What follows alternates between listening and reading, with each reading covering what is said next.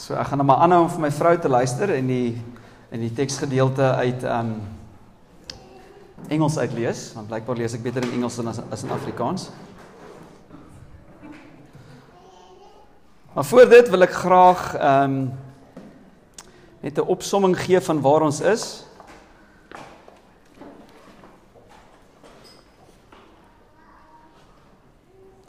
Ons is besig met 'n reeks en ons preek deur die boek van Joshua. Joshua is in die Ou Testament en as jy dit in die geskiedenis van God se mense probeer plaas, ek dink is altyd goed om so 'n groot storie te verstaan. Uh Bybel begin met die skepping van die mensdom en ons sien hoe nie baie lank van daar af nie die mense 'n groot gemors van die saak gemaak en hulle het van God af weggedraai, maar van die begin af het God 'n plan in aksie gesit om die mensdom terug te wen na homself toe. En ons sien hoe uh hy hy een man gekies het Abraham en beloftes aan hom gemaak het en deur hierdie beloftes werk hy sy redding vir die mensdom uit. En ons sien hierdie hierdie Abraham het uh, Isak en Jakob is nou sy Jakob is nou sy kleinseun en daai hy het 12 kinders gehad en dis nou die stam of stam hoe kan ek sê leiers van Israel hierdie mense word toe 'n groot nasie hulle word toe slawe in Egipte En God bevry hulle van daar af en ons weet hoe toe God hulle bevry het, het hy 'n belofte gemaak en sê ek wil julle na 'n land toe vat van julle eie. Ek gaan vir julle 'n land gee en waar julle 'n nasie kan wees onder my sodat die wêreld kan sien hoe dit lyk as as mense in verhouding is met my. Sy punt was nooit om 'n eksklusiewe rasgroep te hê nie. Sy punt was altyd om 'n om 'n mense vir homself te kies as 'n getuienis aan die wêreld. Sê hierdie hierdie is 'n lig. Julle moet sien wat julle gode is nie regte gode nie. Ek is die ware God en dis hoe dit lyk. In elk geval en Israel is ehm um, is op pad na die beloofde land toe en hulle maak toe weer eens 'n gemors van die saak want hulle glo nie vir God nie en hulle word bang vir al die reëse wat in hierdie land voor hulle is en God sê okay, julle gaan nie in nie. Ek gaan julle kinders invat en vir 40 jaar swerf hierdie mense, 2.5 miljoen aan mense in die woestyn rond. En so die rede hoekom ons hierdie teks doen is hierdie Ou Testament storie is het ongelooflike parallel en waarheid vir ons as Christene en die die boek van Hebreërs ehm um, skryf die skrywer maak hy so stelling en ek dink dit is so goed om in ag te neem. Hy sê dit in Hebreërs. Hy verwys terug na hierdie ouens toe. Hy sê Hebreërs 6 vers 11 sê dit is ons vurige wens dat elkeen van julle end uit dieselfde ywer as vroeër in die dag sal hê totdat die dinge waarop julle hoop vervul is. Julle moet dus nie traag word nie, maar die voorbeeld navolg van die wat deur geloof en geduld deel gekry het aan die dinge wat God beloof het. So hy maak hierdie hy maak hierdie stelling en ons sien hierdie twee generasies amper in 'n, hoe kan ek sê, uh in 'n kontras teenoor mekaar. Die een generasie wat nie ingekom het nie. Hulle was God se mense. Hulle het teruggegaan Egipte toe nie. So ons praat nie van Christene wat nou ewe skielik nie 'n Christen raak nie. Maar daar is 'n daar is 'n moontlikheid vir jou wat gered is wat na Jesus toe gekom het, 'n nuwe lewe gekry het, vir God se mense geraak het om jou lewe te lei en dood te gaan sonder om deel te kry van wat God eintlik bedoel het en beloof het vir jou en vir ons as 'n gemeente. So ons ons ons mission, kan ek sê in hierdie reeks is om oorgaan mense te wees. Ons wil belofte mense wees. Ons wil ons wil mense wees wat ingaan. Ons wil die voorbeeld navolg en deel kry aan God se beloftes. En ons het in ons eerste preek het ons eerste reeks het ons gesê wat hoe hoe somme mense sukses op. En ons het 'n stelling gemaak sukses is om deel te kry aan God se beloftes. Jy kan 'n klomp goed reg kry in die lewe, maar as jy nie as jy nie reg gekry het wat God wou gedoen het nie, gaan jy op daai dag kom en dit gaan niks wees nie. Jy gaan terugkyk op 'n lewe wat gemors is. Maar ons ons wil mense wees wat op daai dag wil kom en Jesus in die oë kyk en wat hy vir ons sê wel gedaan good and faithful servant. Kom enter your rest. En ons ons kom in ons erfenis in en ons sien wat die Here vir ons beplan het ons ingekom. Dit dit gaan ons iets kos. Dis dit is dis countercultural gewoonlik. Uh, daar's daar's teestand maar dit is definitief moeite werd soos ons sal sien Ehm um, laasweek het ons gekyk dat daar een agenda is. Daar is net een agenda wat besig is om uit te speel. Dis die koninkryk van God. Mense het planne en ons ons kan die wêreld sien in allerlei maniere, maar op die einde van die dag as as ek my Bybel lees, is daar net een ding wat die Here besig is om te doen. Hy bring sy koninkryk. Reg in die begin was die idee dat ons saam met God in paradys lewe.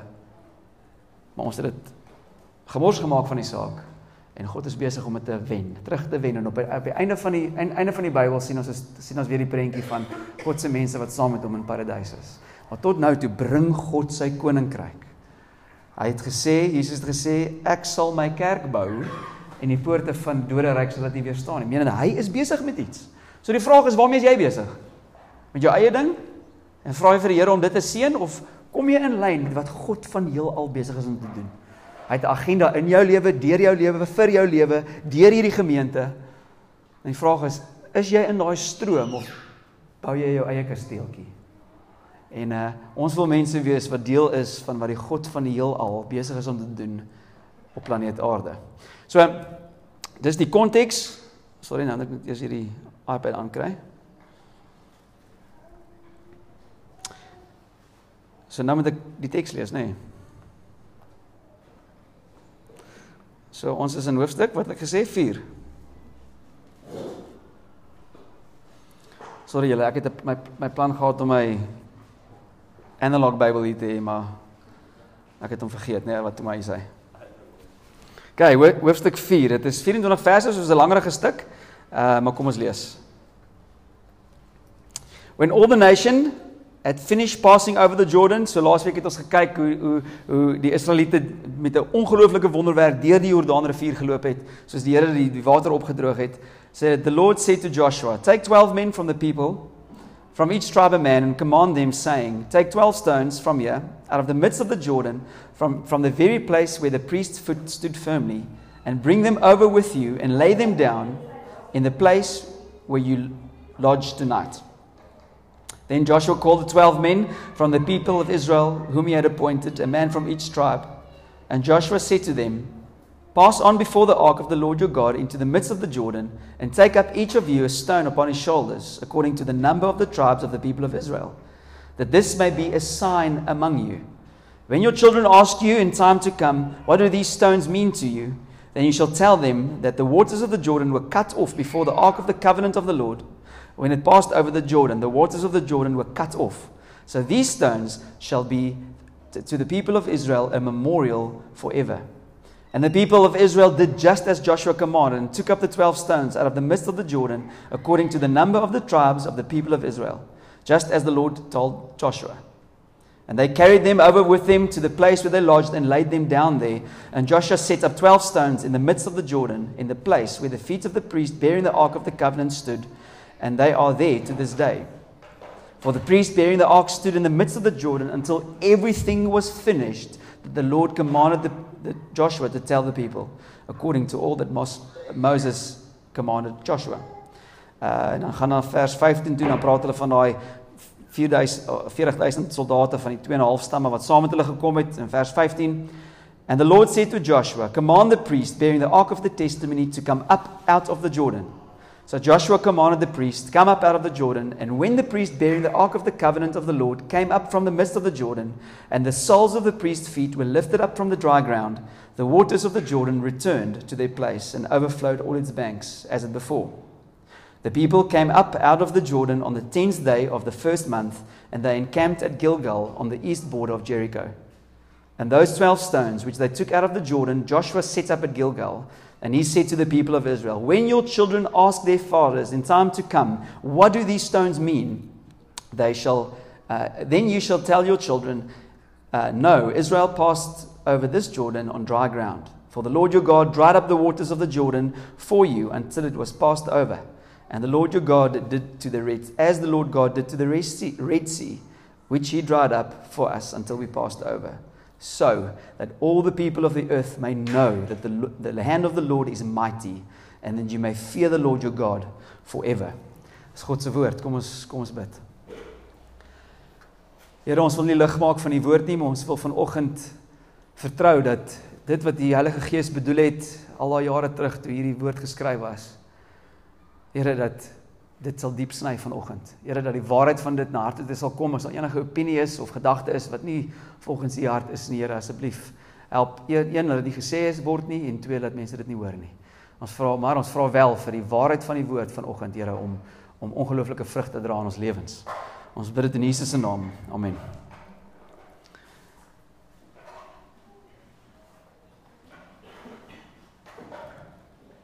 So die tema van hoofstuk 4, hy is nog steeds besig om so half is is interessant as jy hoofstuk 3 en 4 lees. Dit is dit is nogals 'n moeilike lees want hy hy hy vertel jou so 'n bietjie dan voel dit dan voel dit voel dit amper asof hy dieselfde ding weer vertel maar so met so 'n bietjie meer detail. So hy swaal gaan so heeltyd oor dieselfde inligting. So die kan ek sê die event was toe Israel oor die Jordaan gegaan het. En hoofstuk 4 vertel hoe hulle deur is, maar die fokus in hierdie um in hierdie in hierdie hoofstuk is die bou van twee monumente. Ek weet nie of jy gaan opgelet het nie, maar daar's eintlik twee monumente. Daar's een in die Jordaan, daar waar die priesters gestaan het terwyl die water droog was, en daar was een in hierdie nuwe kampplek. So ons sien ons sien Joshua kies 12 mans of hy elke stam het hierdie stamhoof gehad wat nou kom help en hulle moes hierdie klippe op hulle skouers na hulle kampplek toe dra wat omtrent 8 km ver was en dit is waar die CrossFit Games begin het. Dit was eintlik 'n spankompetisie want die priesters het die hele dag daar gestaan met hierdie ark op hulle skouers.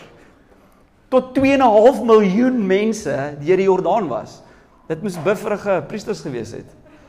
Imagine dit. Die, dit ek bedoel, jy kan nie 2.5 miljoen mense vinnig vinnig deur 'n stuk. Dit moes 'n serieus dag gewas het. Dit was 'n spankompetisie. Jy staan, ek dra klippe.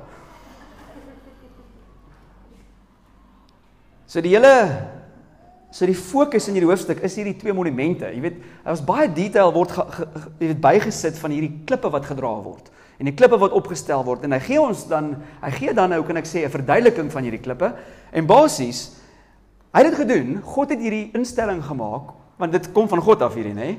So CrossFit is 'n godly ding. ek is jammer vergewe my.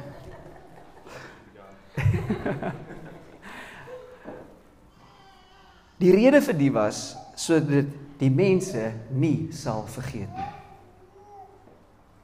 Daar's 'n rede. God is nie random nie. Hy sê dit sodat wanneer jy kinders sal vra, jy kan praat daaroor en dan sê hy later aan die einde sodat die wêreld mag weet dat my hand magtig is. So die eerste ding wat ek let, die eerste punt wat ek wil maak en wat ek agterkom hoe die Bybel my eintlik lees Dis 'n amazing ding hoe meer ek die Bybel lees, hoe meer kom ek agter die Bybel is besig om my te lees. Hy weet presies, hy weet presies wat aangaan in my hart. Ons het 'n ongelooflike neiging om te vergeet. Vir al die goeie goed.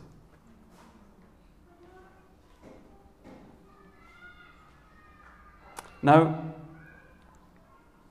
die generasie voor Joshua, die ouens wat uit Egipte gekom het, so hulle het ook 'n waterervaring gehad. Die Rooi See onder Moses het oopgegaan. Hulle het hierdie uh 40 jaar voor dit was hulle slawe in Egipte en en God het vir Moses opgerig en Moses het met hierdie 10 plaae na Egipte toe gekom en hierdie ongelooflike goed het gebeur. En die laaste laaste wonderwerk was hoe wat die oordeel van God oor hierdie nasie geval het. Maar die Israeliete was vry omdat hulle die bloed van 'n lam op hulle deurkosyne gehad het. En die nasie is uit en hulle is net uit en dan begin hulle weer worry want hier kom Farao. Dis basies soos ek het dit al gesê, dit is soos dit is soos Burundi wat deur China wat is nou die kragters ook al ons sê maar China in slawerny gehou was en hier ver, vernietig Burundi vir China. Maar hier kom China met al hulle tanks en goederes agter hulle aan en hier maak God 'n weg en hy maak die Rooi See oop en daar verdrink hulle vyande. So hierdie eerste generasie mense het dit gesien, hulle het dit ervaar. Ag man, dag 3 maak hulle al 'n goue kalf. En hulle kla. Moses, wanneer gaan ons eet? Ek is Moses, waar is die vleis? Ek wil terug gaan Egipte. Daar was dan vleis. Moses, my voete is seer. Klink soos my kinders as ons in die kar is. Mense met kinders is die heel ergste ding wat daar is, is dit nie kerm nie? Is dit nie? Daar is nie 'n erger ding as kerm nie. Onthou dit volgende keer. As jy daai vrae in jou hart vra, Here, Dit is so nee, daar is dalk een ding erger as jou kinders beklei. So nou hierdie generasies deur die woestyn en en en um die boek van Deuteronomium is is basies is basies 'n ongelooflike preekreeks van Moses. Die laaste jare wat voor hulle in in jy weet in die beloofde land ingegaan het en ja, uh, in die vlaktes hulle die Jordaan hulle kon teen aan bo die berg kon hulle vir vir Jerigo sien. En die boek van Deuteronomium is basies die is hoe kan ek sê hy hy hy vertel hulle. Hy sê luister, ek gaan nie in nie, ek weet al klaar, maar wanneer julle ingaan op daai dag, onthou 'n paar goeie. So ek wil julle 'n paar stukke lees hoe Moses, hy het nou half hierdie mense leer ken, mense wat kerm en kla en heeltyd vergeet. Hier's 'n paar goeters wat hy sê. Hy sê in Deuteronomium 4, hy sê pas net op en wees baie versigtig om solank as wat jy leef nie nie hierdie dinge wat jy gesien het te vergeet of te verontagsaam nie. Jy moet dit alles vir julle kinders en julle kleinkinders inskerp. En hoe sê in Deuteronomium 8 sê hy's nou weer so waarskuwing. Hy sê take care. Dis nou hy praat nou van wanneer jy in die land kom. Take care lest you forget the Lord your God by not keeping his commandments and the rules and his statutes which he commanded you today.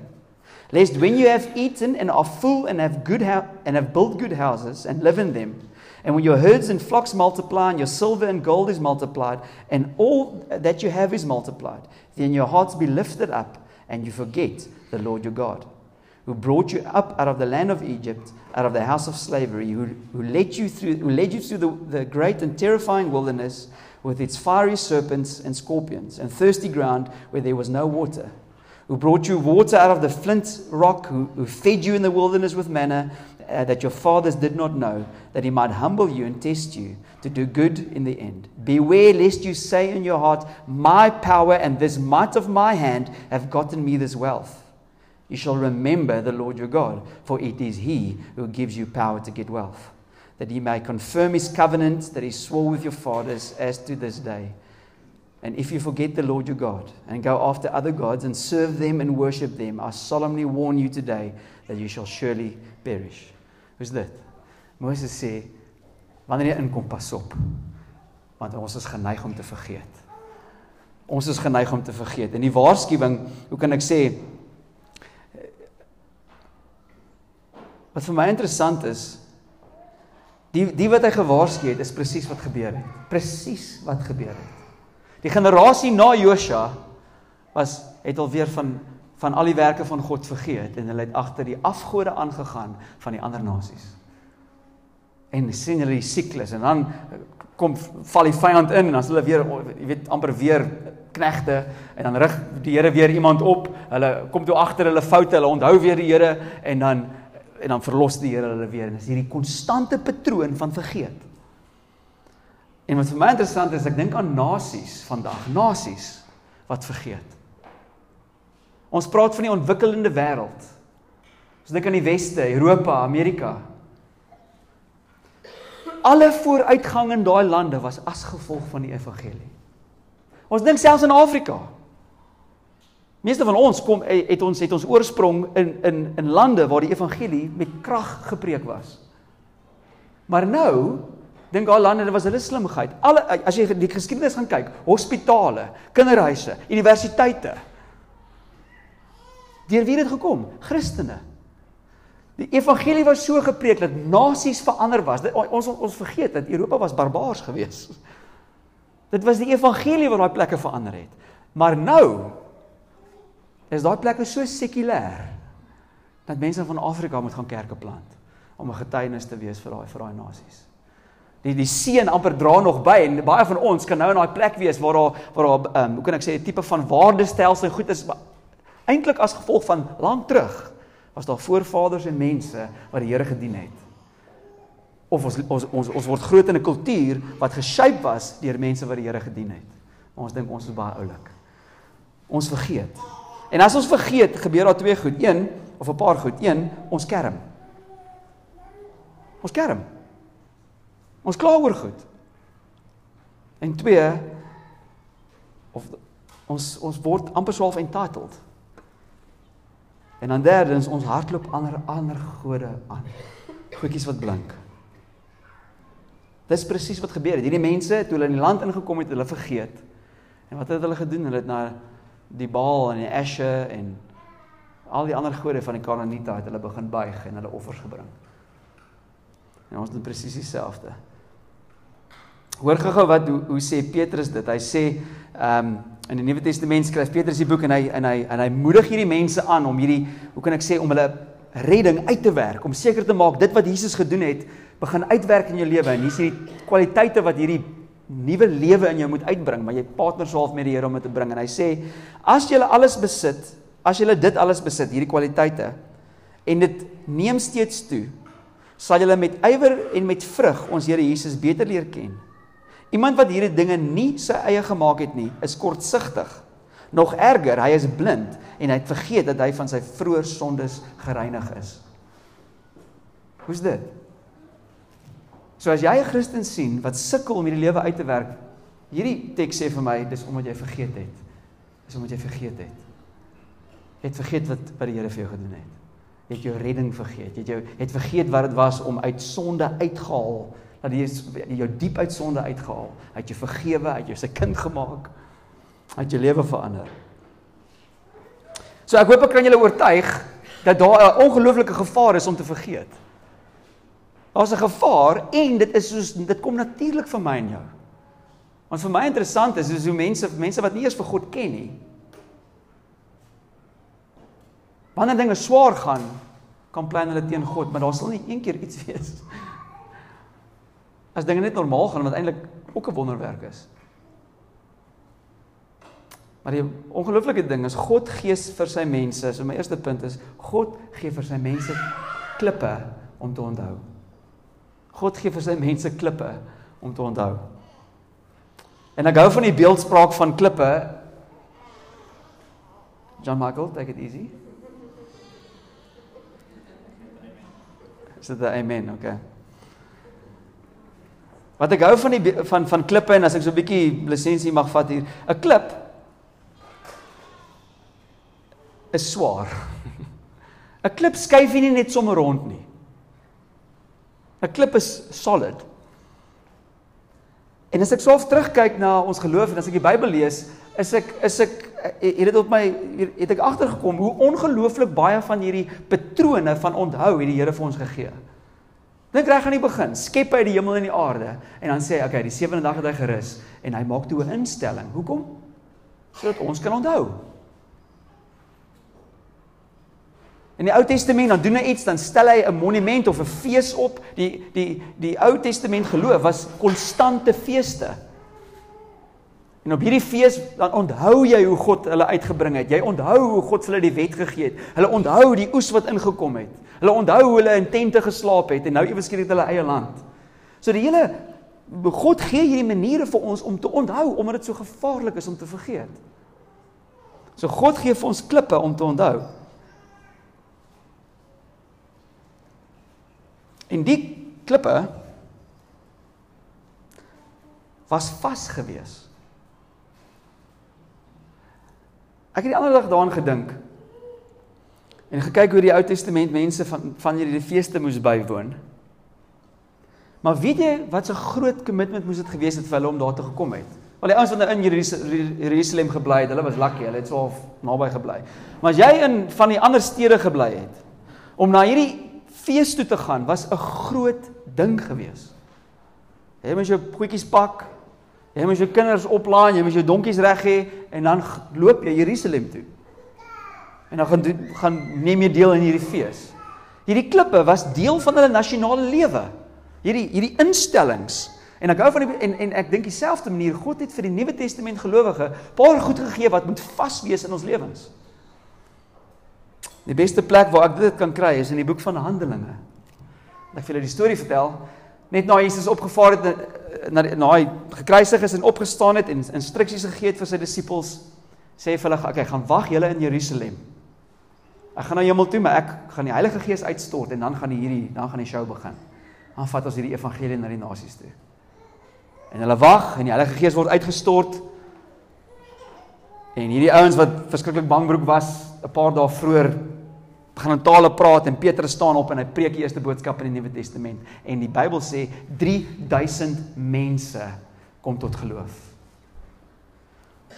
En net na dit gee dit hierdie vinnige opsom opsomming hoe het hierdie eerste kerk gelewe? Wat was die wat was die stene? Wat was die non-negotiables in hierdie ouens se lewens? En in Handelinge 2 vers 42 sê dit En hulle het volhard. Die Engels sê and they devoted themselves to the apostles teaching. Wel, wat ek nou in Afrikaans sê, hulle het hulle het volhard in die leer van die apostels, in die gemeenskap en die breking van brood en in die gebede. They devoted themselves to the apostles' teaching, to the fellowship, to the breaking of bread and to pray. En wat ek daarvan hou, dat die Bybel sê hulle het hulle self toegewy. 'n bietjie ver van die Nuwe Testament af deesdae. Deesdae is dit die leiers wat mense moet, come on. Wees toegewy in hierdie ding, maar dit sê die mense het hulle self toegewy in die goed. Dis eerstens die woord van God. Die woord van God. Dis hierdie herinnering. Jy onthou, jy lees weer, jy onthou wat gebeur het. Tweede ding waarna hulle self toegewy het is die gemeenskap.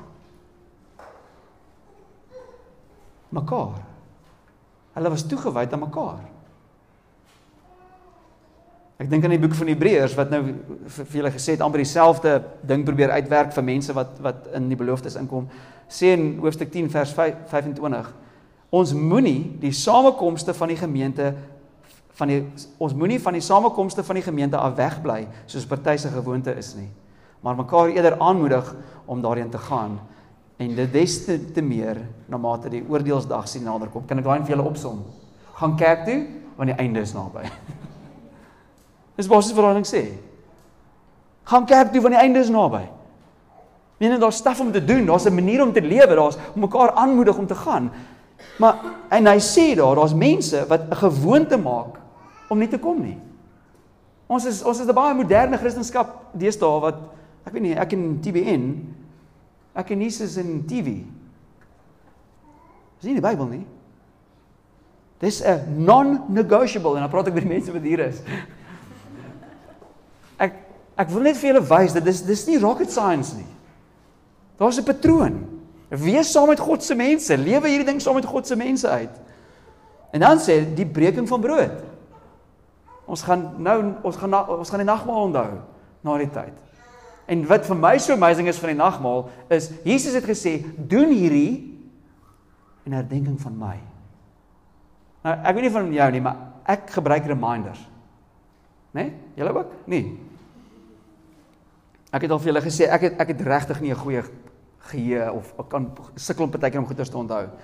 En ek het 'n gewoonte geleer, as ek nou iets weet ek moet dit doen dan dan okay, dan maak ek 'n plan. Dan vat ek hierdie ek weet nie flash drive wat ek al vir 6 jaar beloof het om vir my pel te vat.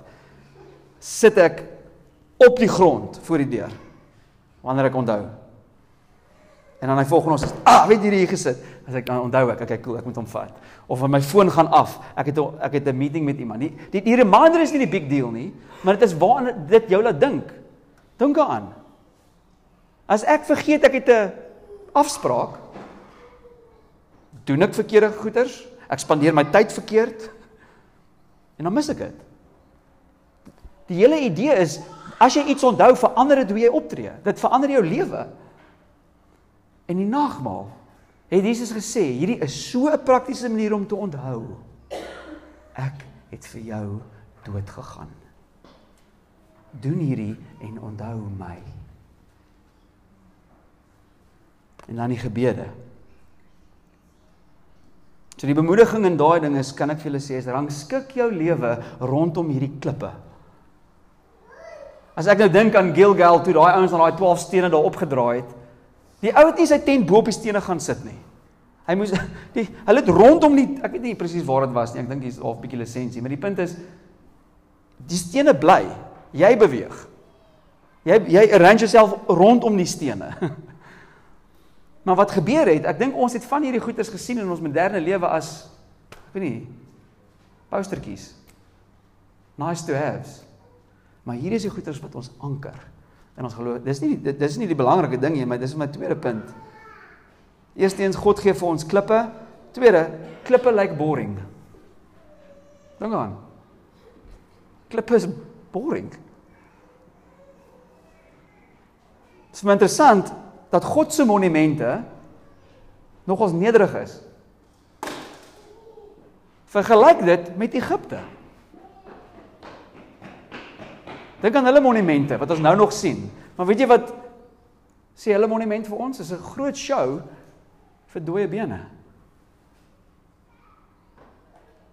Wel dan, jy het 'n Wel dan, jy het 'n piramide gebou vir wat? Vir dooie mense. God se klippe Hy weet hy weet hy weet overcompensate nie. My klip kom uit die Jordaan uit. Dis wat die klippe verteenwoordig. Die big deal is nie die die saamkoms nie, maar dis wat jy onthou wanneer ons saamkom. Die krag is nie in die klip nie. Maar dit wat die krag wat die klip verteenwoordig is die krag. En ek dink die rede hoekom ek dit sê, ek dink daar's 'n versoeking in ons vandag se tyd om altyd iets nuuts te hoor. Nuwe inligting, nuwe tegnieke. Die Bybel is so oud. Maar jou issues is maar presies dieselfde. So ek weet nie wat worry jy dat die Bybel so oud is nie. Samelewing se probleme is presies dieselfde. Ons almal gaan dood.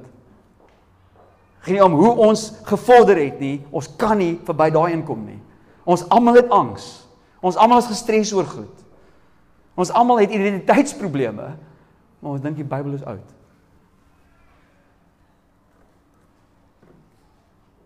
En as 'n leier het ek nou en dan voel ek die druk soos, "Oh my goodness, wat moet ek doen dat die mense kan groei en wat ook al." Maar as ek rondkyk, die die mense wat in hierdie gemeente hulle self gee vir van die klippe, groei. Net in 'n gemeenskap kom Sondag is betrokke in 'n verhouding en ek kyk na die laaste jaar van hulle lewens sê ek wow, ek kan meer van Jesus sien in hulle lewens. Dis nie rocket science nie. Dis nie spesiale kursusse nie. Dis maar net wees 'n deel van wat ons doen. Dit lyk boring, maar dit is kragtig. Dit wat agter dit is, is kragtig en ek sien groei in mense se lewens. So klippe lyk boring, maar moenie worry nie, dit gaan nie oor die klip nie, dit gaan oor waar die klip vandaan kom en wat dit jou herinner aan. So God gee vir ons klippe, maar dan wil ek sê Ons is die klippe. En die Engelse mense het nou groot grap daarvan gemaak het. Dis nie wat ek bedoel nie. Hoofstuk 4 sê Joshua roep die 12 uh roep die 12 man wat hy uit die Israeliete aangewys het, een uit elke stam en hy sê vir hulle gaan by die ark van die Here, julle julle God verby in die middel van die Jordaan en tel elkeen 'n klip op op die skouer in ooreenstemming met die getal stamme van Israel. So hoekom 12 klippe? Wel, die antwoord is daar, want daar's 12 stamme gewees. So jy kan nie na hierdie monument kyk en nie ook die beeldspraak sien van dit verteenwoordig God se mense. God se mense en as jy nou dink die Nuwe Testament het 12 ehm um, uh, apostels gehad. Dis hierdie dis hierdie dis dis nog deur die hele Bybel en Openbaring sê mense dit ook. Dit is hierdie dit is hierdie ehm um, simboliek van die mense van God, die totaliteit van God se mense.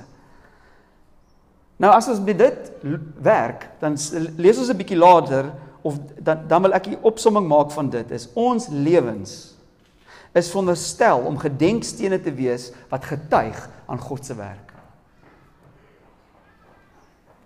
Dit jou lewe is veronderstel om te wys dat God genadig is en goed is en groot is. Kyk daar aan die einde vers 21, hy som dit weer op. Hy sê as julle kinders eendag julle paas vra, wat beteken daardie klippe? Moet julle die kinders inlig en sê Israel het op droë grond deur hierdie Jordaanrivier gegaan. Die Here, julle die Here, julle God, het die Jordaanse water voor julle laat opdroog sodat julle kon deurgaan, net soos hy met die Rietsee gemaak het toe hy dit voor julle laat opdroog het en sodat ons kon deurgaan en hier is die grootte. Hy het dit gedoen sodat al die volke van die aarde kan besef dat ek mag van die Here of dat die mag van die Here groot is en sodat julle die Here, julle God altyd sal dien. So waarvan God se hart is nog altyd dat die wêreld hom ken. En hy red jou om jou af te sjou vir die wêreld. Maar hier's 'n klein catchy in. So ons lewe is veronderstel om te praat oor die krag van God. Dink jy nie dit sal nogal snaaks gewees het Nou weer eens hierdie monument was in Gilgal, dit was al van die ehm um, dit was al die eerste plek soos hulle ingegaan het, so al van die middel van van Kanaan. Maar ek wil die nasie het toe uitgesprei. So dit wil vir my lyk of hulle so 'n toer gemaak het en teruggekom het, jy weet die generasies teruggekom het. Dit was so 'n ding gewees om te gaan kyk daar. Maar imagine ek ek en Janu stap soontoe en Janu vra vir my wat is hierdie klippe? En imagine my hele storie gaan oor hierdie sterk dudes wat die klippe gebring het. Sekerlik mis ek die punt. Sure, daai ouens het gegraaf om daai klippe daar te kry. Dit was nie maklik nie. Maar dis nie hoekom die monument daar is nie. Die monument is daar om te getuig van God se werk. En wat partykeer kan gebeur in die Christelike lewens, ons dink ons moet vir mense wys hoe oulik ons is. Sure, ons werk hierdie saligheid uit. Sure, ons werk hard, maar as die as jou boodskap aan die wêreld is, Christendom is harde werk. Sekerlik praat jy nie oor die evangelie van Jesus nie. Maar die evangelie van Jesus is hy het die Jordaan opgedroog. Hy het hy het sonde afgesny. Hy het my gered uit die dood uit. Hy het 'n werk om doen. Sure ek het deelgeneem om hierdie klippe daar te kry maar dit getuig van God se werk, hierdie trofees van genade. Ek het vanoggend so gedink en ek gedink soos ek my kinders wil opbring in die weë van die Here. Het ek besef daar's 'n moontlikheid wat al wat ek vir hulle sê is om goeie mense te wees. Dis nie wat ek doen nie, jy weet. Maar ek moes my seun in die oë kyk en sê seun, pappa het nie vir Jesus geken nie. Ek het groot geword en nie hom geken nie. Ek het my eie weg gegaan. Hy het my hy het my diep kom uithaal. Weet jou kinders as jy gered is of dink jy net jy's 'n goeie goeie Christen?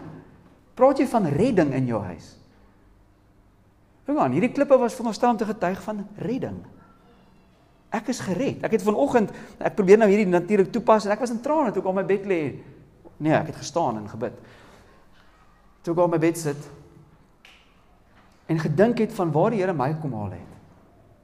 Allaas het jy onthou dat jy dood was in jou sonde. Ek was clueless. Ek het gedink ek weet ek het swaaf tradisioneel groot geword en swaaf Bybel geken, Jesus swaaf defend hier en daar. Ek het hom geken nie.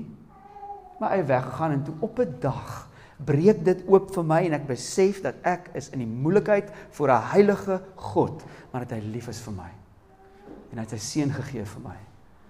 En my hele lewe het verander. Praat jy dat jou lewe verander het vir jou kinders? Dit is waar ons lewens moet getuig. Ons getuig nie omdat ons so goed is en kan klippe dra nie. Ons getuig dat Jesus die Jordaan opgedroog het vir ons, dood afgesny het vir ons dat ons kan deurgaan. Dit gesê ons lewens moet ook in werke getuig. As jy daaraan dink, is daar iets solids in jou lewe waarna jou kinders kan vra? Want uh, dit is of jy weet hulle daar gekom en hulle gesê, "Hoe hoekom is jy hier?" Is daar is jou lewe in 'n manier wat mense sê, "Hoe hoekom?" Wat gaan nie aan? Want sonder dit is daar niks om oor van te getuig nie. Maar as jy dan kan sê, "Yes, bly hy sien dit dit is as gevolg van genade. Ek is so nie omdat ek oulik is nie ek is so as gevolg van genade maar as daar niks om na te wys nie help dit jou ook nie. Ek dink aan so genade is wonderstel om ons te verander. Ek dink aan hoe hoe dit hoe Paulus dit in Titus gesê het. Hy sê die genade van God wat verlossing bring het immers aan alle mense verskyn. Dit voed ons op om die goddelose leefwyse en wêreldse begeerlike begeerlikhede te laat vaar en met selfbeheersing, opregtheid en godsvrug in die teenwoordige wêreld te lewe. Hoe's dit? Wat help jou om heilig te word? Genade. Dit coach jou, dit leer jou om hierdie goeders af te lê. Ek is nie meer daai mens nie. Terwyl ons uitsien na die gelukkige dag wat ons verwag, op daardie dag sal die heerlikheid van ons grootte God en verlosser Jesus Christus verskyn. Hy het homself vir ons as offer gegee om ons van ons alle ongereghede vry te maak en ons van sonde te reinig sodat ons sy eie volk kan wees wat ywerig is om goed te doen. Is daar iets solieds in jou lewe wat mense kan vra hoekom? Hoekom leef jy so? Hoekom spandeer jy jou geld so? Hoekom maak jy God se mense 'n prioriteit in jou lewe? En as dit nie ja, kyk hoe heilig is ek as jy die antwoord gee nie. Sê ja, daar is 'n rede. Die God van alle gode is my genadig en terwyl ek sy vyand was, het hy vir my gesterf. En dan die laaste punt wat 12 1 en 'n halwe punt is is om my vraag te vra, kom jou klippe uit die Jordaan uit? kom jou klippe uit die Jordaan uit. Nou ek is seker daar was ander klippe in die distrik gewees. Ek weet nie of dit so is nie, maar ek dink nou maar net. Ek seker as hulle nou regtig gesoek het, sou hulle ander klippe kon kry. Maar daai klippe het uit die Jordaan uitgekom. Nou wat dit vir my sê is jy kan enige ritueeltjies en goedjies bou, godsdienstig wees en maar as daai klippe nie uit die Jordaan uitkom nie. Menende dit kom nie uit 'n plek uit waar God se krag dit moontlik gemaak het vir daai klip om uit te kom nie. Dan beteken dit niks. En ek weet nie of julle gesien het want al wat daai klippe dan sal doen is dit sal praat van jou eie effort. Maar ek weet nie of julle gesien het nie in vers 9 sê dit Joshua het ook 'n monument gebou. Daar's twee monumente gewees. Een wat die 12 ouens gebou het en Joshua het alleen by die voete van die priesters het hy nog een gebou met 12 klippe. So die so die die die klippe by Gilgal was 'n kopie van wat in die rivier is wat niemand kon sien nie. Dit is vir my 'n ongelooflike beeldspraak en ek kan nie help om daaraan te dink nie wat die, die Jordaan, wat ek vir julle gesê het, is hierdie ongelooflike simbool van die dood. Die een wat sny, die een wat jou afbring, die een wat in die dooie see inloop.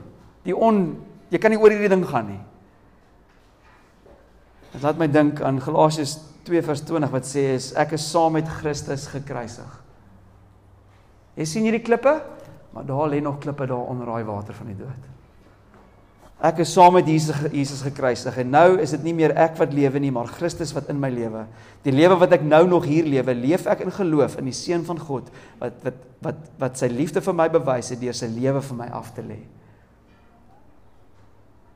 kom jy klip uit die Jordaan uit, het jy saam met Jesus gesterf? Daar's nog daar's daar's nog 'n kopie. Ek is nie meer daai mens nie. Daai ding is dood onder die dood, weg onder die dood. En weet jy wat amazing is? Joshua het daai alleen gebou. Wonder of die Israeliete teruggekyk het en gesien het hoe hulle leier daai klippe op mekaar pak.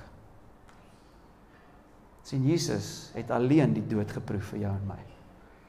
Hy het nie 'n span gehad wat saam met hom gegaan het nie, hy was alleen. En die amazing ding vir my is Jesus het ook iets om hom te onthou. Het jy al daaraan gedink? Toe Jesus opgestaan het uit die dood en ons weet van Thomas wat getwyfel het. Onthou jy wat hy vir hom gesê het? Nou Jesus in sy verheerlike liggaam, hy hy kon goedes doen wat hy nie voorheen gedoen het nie. En hy sê vir Thomas, hy sê, "Oké, okay, kom sit jou hande hier in my wonde." in my hande, in die gate. Kom sit jou sit jou vinger hier in die wond in my sy. En in die boek van Openbaring, daar waar Johannes hierdie prentjie sien van die Jesus wat heers oor die wêreld. Wat sien hy?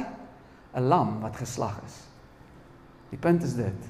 Jesus het nog steeds iets om te herinner van wat hy vir jou gedoen het. Hy het nog steeds sy letsels. Jy kan hom vergeet. Hy kan jou nie vergeet nie. Sy herinnering is in sy hande en in sy sy. Hy sal dit vir altyd onthou en ek wonder as mense so wegloop van hom af. Dit is nou 'n bietjie lisensie hier, so maar vergewe my. Maar hy so op sy hande vryf en kyk. As ons ons eie pad volg en sê ek vergeet nie. Hy mag nou vir my vergeet, maar ek vergeet hom nie. Hy het sy lewe vir jou gegee.